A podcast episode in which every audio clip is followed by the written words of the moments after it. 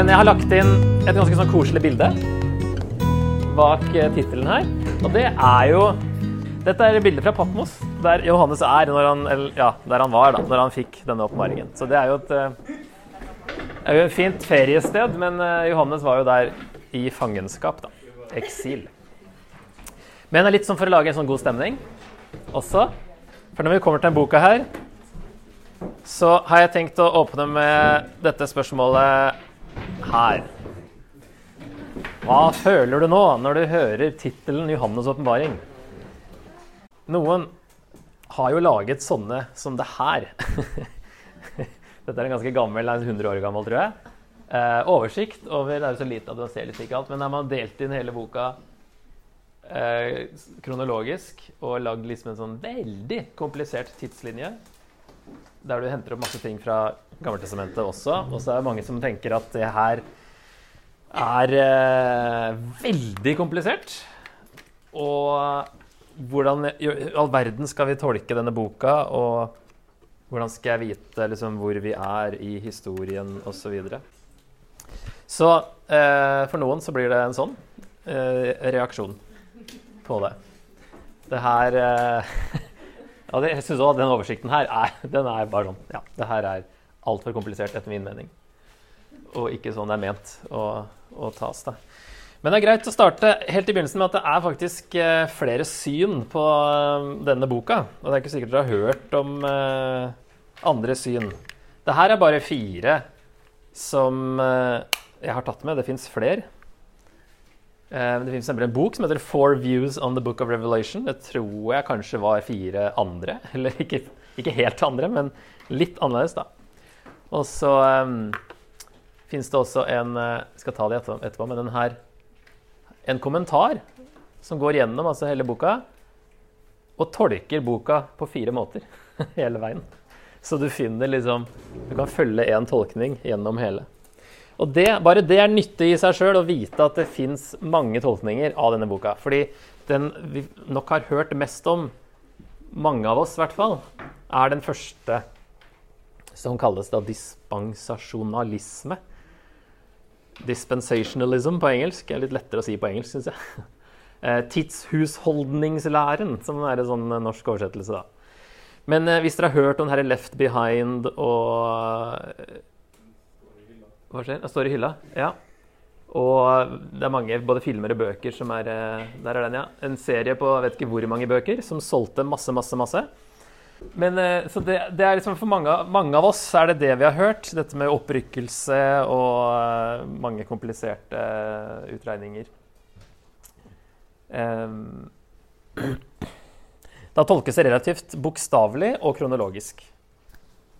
Ikke alt bokstavelig, men ganske bokstavelig, da. Men jeg tror ikke de fleste ser for seg et dyr som bokstavelig dyr som kommer opp av havet og sånt. Men men eh, tallene tolkes bokstavelig. Eh, og de sju menighetene som, som, det er skrevet til, og som får disse små brevene i kapittel 2 og 3, eh, representerer da sju perioder av kirkehistorien som du så på den forrige oversikten. Det var egentlig en sånn dispensasjonalisme, den her. Så har du de sju kirkene. Tolkes ikke som brev og faktiske kirker, men som sju eh, epoker av verdenshistorien. Og så etter kapittel 3, når det kommer til kapittel 4, når Johannes liksom eh, kommer opp i himmelen og får se andre ting, så, eh, så tolker man da at nå er det framtid. Sånn at de sju menighetene var egentlig hele verdenshistorien, det òg, fram til de siste dager, som liksom er nå. Og så, fra kapittel 4, så er det fortsatt ikke skjedd. Det er altså den første tolkningen vi er på nå. Og der kommer opprykkelsen inn, og der er det forskjellige tolkninger. Om den er eh, før den store trengselen, som tolkes som sju år, eller om den er midt i den store trengselen etter tre og et halvt år. Altså bokstavelige tolkninger av tallene. Eller om det kommer etter den store trengselen. Det som er farlig med denne tolkningen her, er jo at mange ser for seg at Og de tolker boka sånn at Eh, en tredje verdenskrig, en atomkrig, blir nødvendig før Jesus kommer igjen og kan liksom eh, i teorien pushe fram en krig, da. Um, ut fra den tolkningen her. Det er faktisk kjempe, et kjempeansvar å ha eh, hvis man faktisk tolker, mener at det må skje før Jesus kommer igjen. Andre motargumenter mot den er jo at eh, de første leserne Boka er jo helt irrelevant for de sju menighetene som den er skrevet til etter kapittel tre. da. Kapittel fire utover. Så har det ingenting med de sju menighetene å gjøre lenger.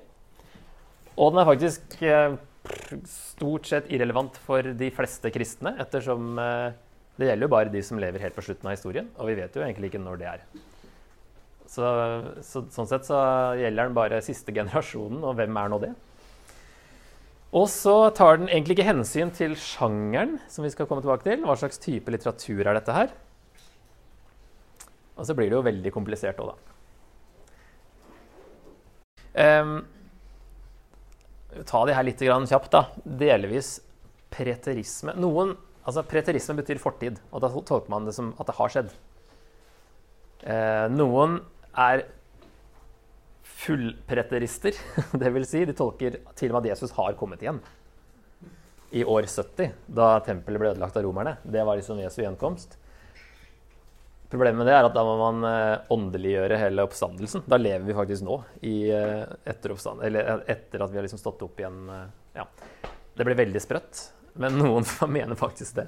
Men en delvis preterisme kan vi ha med, for seg, da, med at det meste, det meste skjedde i det første århundret. Da blir det veldig relevant for de, de sju menighetene som det er adressert til. Eh, det som er vanskelig med den eh, tolkningen, er at eh, det blir en lang forsinkelse da, mellom Romerrikets fall, som boka handler om, og Jesu gjenkomst. Det høres ut som Jesus skal komme igjen når Romerriket faller. Det har han for så vidt lagt opp til andre steder òg, at han skal komme igjen no, si, eh, snart, står det her, da, men skal komme igjen når tempelet ble ødelagt og litt sånt. Så det, det her, det her Gapet til Jesu gjenkomst det er veldig sånn uvisst uh, å vite da, når, hvor langt det er. Og det er et hopp her, men uh, det trenger ikke være Det er ikke helt ubibelsk, da. Det er sagt flere, flere steder. Um, det er vel kanskje hovedargumentet der, for da, da, mener man at det som gjenstår nå, er i hovedsak Jesu gjenkomst. Um, ikke så mange av de hendelsene som boka snakker om.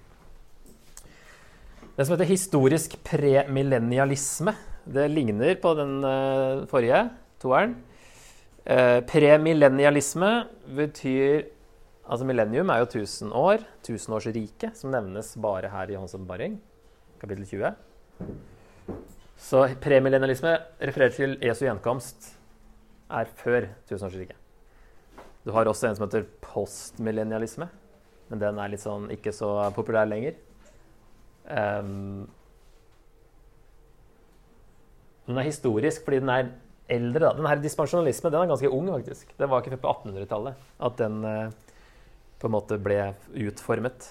Mens den her, uh, treeren, den uh, vet i hvert fall at mange i oldkirken holdt til. Og at Jesu gjenkomst, komme, Jesu gjenkomst skjer etter den store trengselen, og så er det et bokstavelig tusenårsrike. Så det er forskjellen på to og tre. er et, kanskje eller hvor bokstavelig man tar tusenårsriket, som, som da kommer i kapittel 20, som sagt.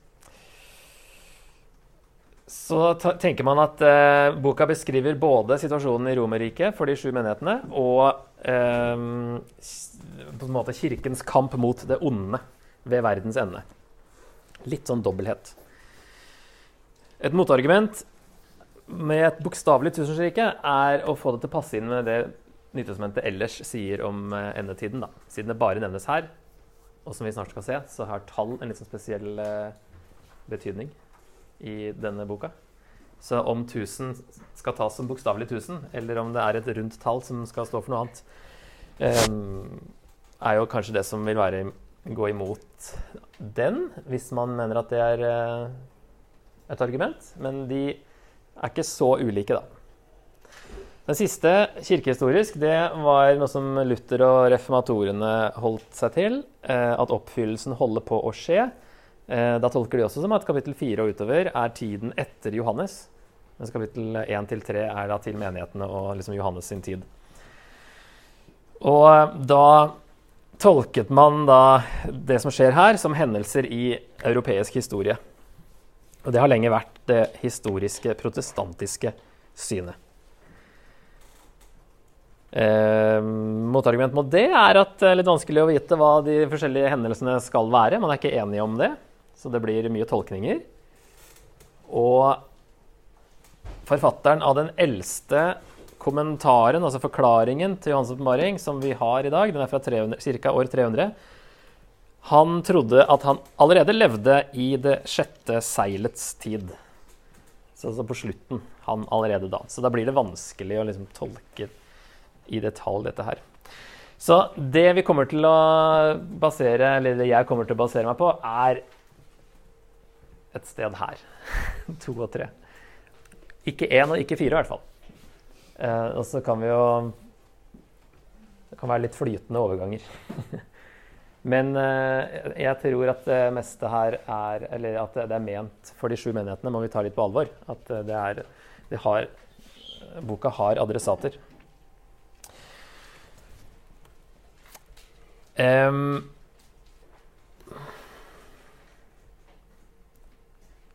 spørsmål. Skal vi legge bort alt vi har lært om første leser, historisk bakgrunn, sjanger osv. når vi kommer til Johans oppmaring? I så fall hvorfor?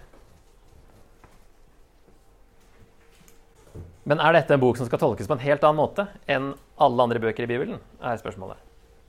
Jeg har opplevd en, altså en veldig solid bibellærer som, som uh, Når han kom til boka her, så liksom la han bort alt, og så tolka han den på en helt annen måte enn det han tolka hele Bibelen. Det synes jeg var veldig merkelig. Skal vi ta litt sånne harde fakta til starten, da? Eh, raske fakta. Mottakerne er jo de sju menighetene i provinsen Asia, som det står i 1.4. Han åpner jo som et brev.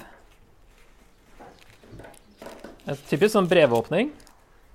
Eller ikke helt typisk, men uh, det står i hvert fall i vers 4. Johannes hilser de sju menighetene i Asia. Nåde være med dere, og fred fra ham som er, og som var, og som kommer. Og fra de sju åndene som står foran hans trone, og fra Jesus Kristus, det troverdige vitne, den førstefødte av de døde og Herren over jordens konger. Han elsker oss og har fridd oss fra våre synder med sitt blod og har gjort oss til et kongerike, til prester for Gud, sin far. Ham tilhører æren og makten i all evighet. Amen.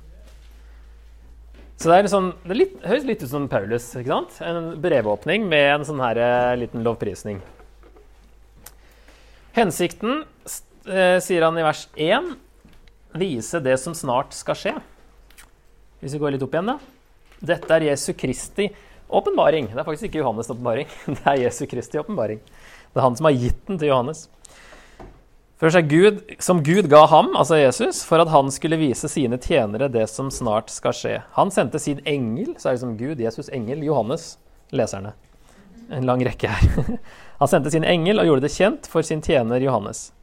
Det er han som her vitner om Guds ord og bærer fram Jesu kristne vitnesbyrd, eh, alt det han har sett. Salig er den som leser opp ordene i denne profetien, og salige er de som hører dem og tar vare på det som der står skrevet, for tiden er nær. Så vise dem det som snart skal skje, står det da i vers 1, og oppmuntre dem til å holde ut i forfølgelsene. er jo da en, Det står ikke direkte her, men eh, det er noe man eh, kan lese ut fra boka som helhet. Sjanger har vi nå sett eh, både brev og det nevnes også profeti her, den som leser opp denne profetien. Men så er det jo i hovedsak en apokalypse, og det har jo fått en annen betydning i uh, dag enn det det egentlig hadde da. Hva betyr det i dag, en apokalypse? Eller at noe er apokalyptisk? Eller postapokalyptisk?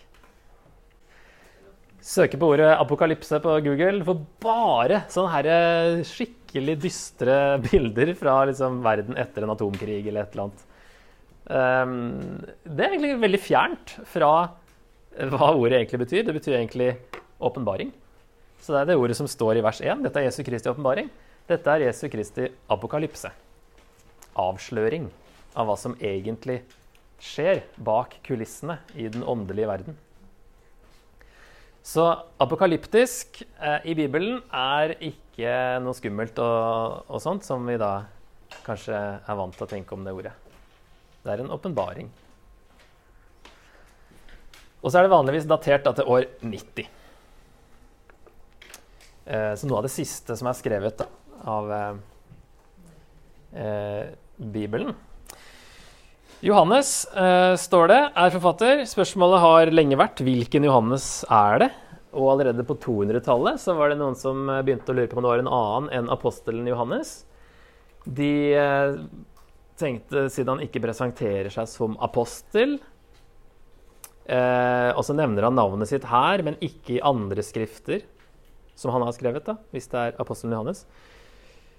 Nå er jo de to litt selvmotsigende, eh, siden han ikke presenterer seg som apostel i de andre skriftene heller. Siden han ikke engang nevner navnet sitt i de andre skriftene. Han er jo anonym i alle de andre, mens her sier han Johannes.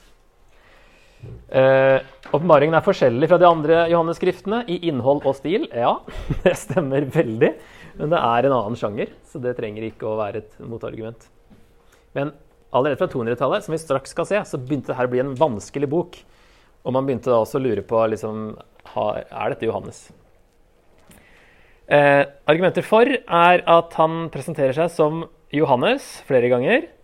Og identifiserer seg ikke noe videre fordi han var kjent. Trenger ikke å si at det var en annen Johannes enn apostelen Johannes. Og så er det en tradisjon helt til 100-tallet at dette var apostelen Johannes. Så det er i hvert fall kirkehistorisk lang, lang tradisjon på at det er samme Johannes. da. Men det er mange i dag som, eh, som mener at det er en annen en. Kaller den for eh, Johannes Seeren eller noe sånt. Og det er ikke noe krise, det, så lenge det kan knyttes til liksom, apostelgjengen. Uansett så er det ikke hans åpenbaring, det er Jesus sin åpenbaring som ble gitt til Johannes.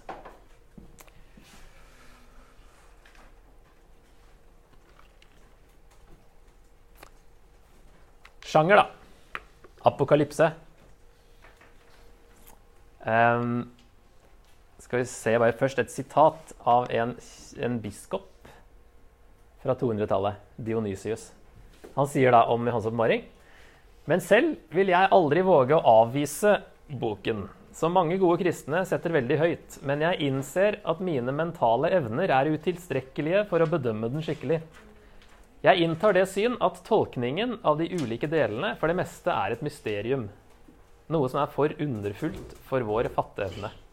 Jeg forstår den ikke, men jeg mistenker at en dypere mening er gjemt i ordene. Jeg måler ikke og dømmer ikke disse tingene med min egen fornuft, men jeg setter mer lit til tro, så jeg har konkludert med at de er for høye til å fattes av meg. Jeg fordømmer ikke som verdiløst det jeg ikke har forstått med et overblikk, men i stedet er jeg forundret over at jeg ikke har forstått det. Så har vi en biskop for ganske lenge siden som ikke skjønner bæret av denne boka her. Så lenge, da, og ganske tidlig, så ble denne her vanskelig. Noen før han nå, som han siterer, mener at uh, åpenbaringen ikke var noe åpenbaring i det hele tatt. Men uh, siden det var liksom så uh, Det ble bare vanskeligere. Vi snakka om at det var, hadde sånn, et tykt forheng av uforståelighet. Så det var umulig å forstå. Det er, noe, det er en tilsløring. Det motsatte av en åpenbaring, var det noe som mente. Så eh, det her, altså apokalypse, som er en åpenbaring, var en populær jødisk sjanger fra 200 før Kristus til 100 etter Kristus. Så den er altså da allerede på 200-tallet så var, den, var, man ikke vant til den sjangeren her. Og ukjent for oss i dag, og ja, tydeligvis uforståelig for noen allerede på 200-tallet. Siden den var liksom eh, gått ut på dato. Man skrev ikke sånne eh, apokalypser lenger, da. Eh, det som er typisk Vi kan se en liste over andre da, som ikke er med i Bibelen. Men når vi ser på de andre, så får vi et visst inntrykk av denne sjangeren. da. Um, og hva som er typisk for den. Blant annet da, symboler og tall. Masse symboler, masse tall. Og det brukes med å liksom ha et, eh, et, budskap, på en måte. da. Temaet er at selv om det er vanskelige tider nå, det er forfølgelser, det er vanskelige tider. Vil Gud til slutt, til slutt gripe inn og ødelegge ondskapen, og Messias og hans rike vil komme. Et gledelig håp, ikke noe mørkt og dystert. Det er ment å være gledelig, og at Gud vinner. Eh, selv om det er vanskelig nå, så kommer Gud til å gripe inn. Det som vanligvis ikke var tema, det var 'når kommer verdens ende'? Og det er jo stort sett det vi har brukt denne boka til å finne ut av. prøve å finne ut av. Men det er nok egentlig ikke temaet. Så vi prøver å se det for oss, de, her, de ting, tingene som beskrives. Og så ser vi det litt for detaljert for oss, kanskje, og så blir det skremmende, og så misforstår vi.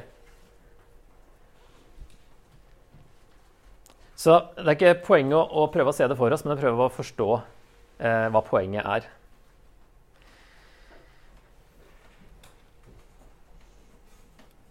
Det hadde en begynnelse i GT, spesielt i stedene her. Esekiel 38-39. Det er en sånn der, syk krig som beskrives. Som noen mener er en framtidig apokalyptisk, da, i nåværende betydning av ordet. Eh, fremtidig atomkrig eller et eller annet sånt. De tolker de bildene veldig bokstavelig.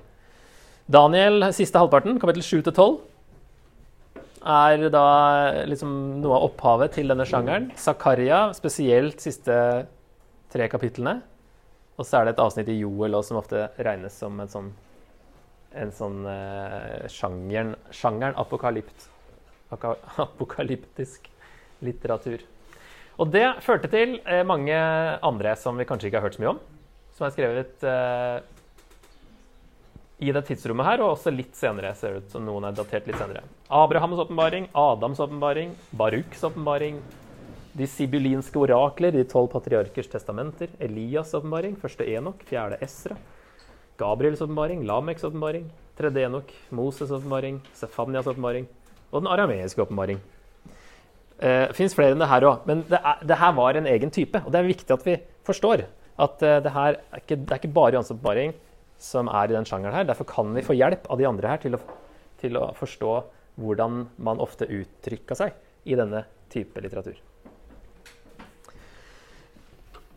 Men det eneste, det er jo bare den Johannes oppmaring som er med i Bibelen. Da. Og det er også en forskjell er at Johannes her Det er kanskje derfor Det kan være derfor han faktisk sier navnet sitt her.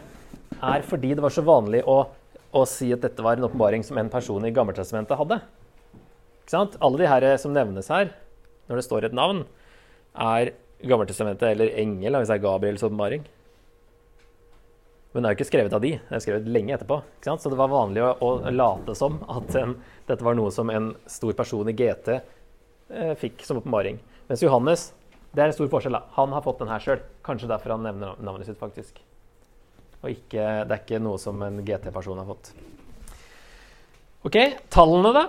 Tall hadde noenlunde faste betydninger, virker det som, ut fra de andre skriftene her. Tre nevnes ofte. Det er jo kanskje ut fra treenigheten, et sånt litt hellig tall. Er ikke det i den ene den her advents-tennelyssangen? At det er et hellig tall? Ja. det tredje lys. Eh, fire brukes om den skapte verden eller hele universet pga. Liksom det som kalles de fire hjørner, eller de fire vinder og himmelretninger, liksom nord, sør, øst, vest. At det er fire der, brukes da som et uh, symbol på hele verden. Sju er jo et fullkomment tall. Det har vi kanskje fått inntrykk av um, og hørt før, at det, det, står for fullstendighet. Derfor når det er sju menigheter her, så tenker jeg det var faktisk sju menigheter, men at det da symboliserer at det gjelder for andre òg, enn eh, en bare akkurat de sju her. Det er typisk med alle bøkene i, eller alle brevene ble jo sirkulert til andre som kunne ha nytte av det. Og vi òg kan ha nytte av det, selv om vi er i en helt annen situasjon. Ti nevnes ofte. Det er på en måte et sånn fullkomment menneskelig tall. Kanskje fordi vi har ti fingre og ti tær og, og sånne ting. At det da symboliserer verdslig makt. Så det har liksom sju som et guddommelig fullstendighet og ti som jordisk eller verdslig fullstendighet. Tolv er jo Guds pakts tall. For det var tolv stammer, det var tolv apostler. Så når, på slutten av boka, når det nye Jerusalem kommer ned, en by som kommer ned, eh, som har form som en kube der eh, det står det var 12 000 stadier og 12 000 den veien og 12 000 den veien. Det var tolv porter, det var tolv perler. Det er masse tolv. Så har jo det noe med Guds pakt med menneskene å gjøre. Skal nok ikke tas bokstavelig. Seks er faktisk ulykkestallet, sånn som vårt 13. Eh, tre og et halvt er også et tall som eh, brukes ofte her. Og så brukes det tre og et halvt år brukes eh, synonymt med 42 måneder, som jo er 3 15 år. som brukes om 1260 dager, som er 3 15 år. Så det sies på forskjellige måter. Um, men det er kanskje sju delt på to, eller et eller annet, men det er sånn, ofte en ufullstendig periode. At dyret får holde på i den perioden inntil eh, Gud griper inn. Enda mer tall er det hvis vi ser på tallet sju, der det ikke nevnes, men hvor ofte ting nevnes. Det er ganske interessant. Herren Gud den allmektige nevnes sju ganger i boka. Han som sitter på tronen, er sju ganger. Jesus er 14 ganger, altså sju ganger to. Jesu vitner, Kristus, sju ganger. Lam er sju ganger fire. Gud og lammet uttrykk. Den firefoldige verden. Ånd 14 ganger. Hva ånden sier til menighetene. Sju ganger, for det er jo sju brev, sju menigheter. Profeti sju ganger. Så er det sju saligprisninger. Salig er den som Sju lovprisninger, sju kategorier mennesker, sju referanser til alteret og sju profetiske bekreftelser av Jesu gjenkomst. Masse sjure som vi ikke kanskje legger merke til, som eh, likevel er der i, innimellom ting. Ok, Hovedpoenget er apokalypser var ikke ment bokstavelig.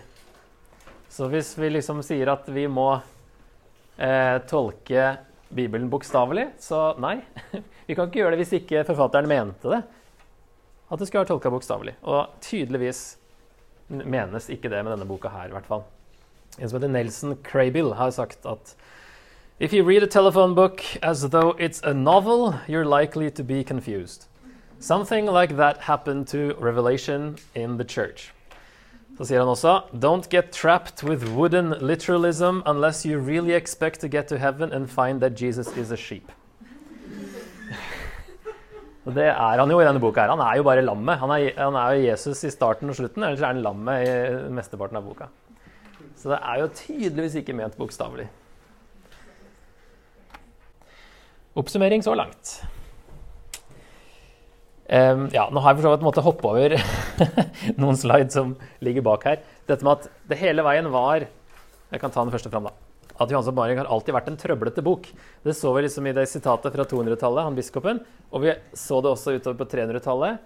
Eller vi kan se det på 300-tallet. Det ligger i slidene for de som vil sjekke det.